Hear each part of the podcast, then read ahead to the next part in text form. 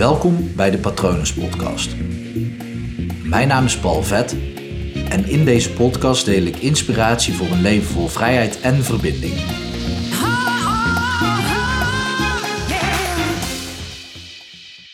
Ik neem soms korte podcasts op, soms hele lange en vaak iets ertussenin. Ik denk dat dit de kortste podcast gaat worden die ik eerder heb gemaakt, want ik heb namelijk gewoon één vraag aan je. En sommige podcasts die dan kan je lekker naar luisteren terwijl je aan het wandelen bent, of in de auto zit, of aan het fietsen bent, of sporten. Maar deze vraag gaat je gewoon helpen.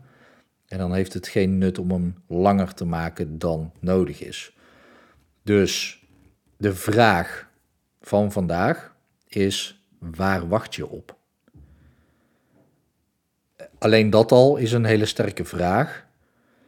Maar de toevoeging is op welke voorwaarden wacht jij met het doen waarvan je weet dat je het moet doen.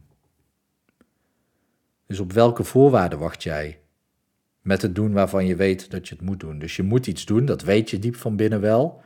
Maar je hebt een voorwaarde bedacht van ja, als dit gebeurt, dan doe ik dat wel.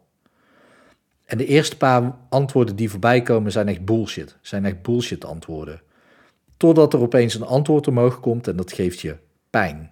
Dat steekt je. Je voelt dat fysiek of je ervaart weerstand. En dat is het juiste antwoord.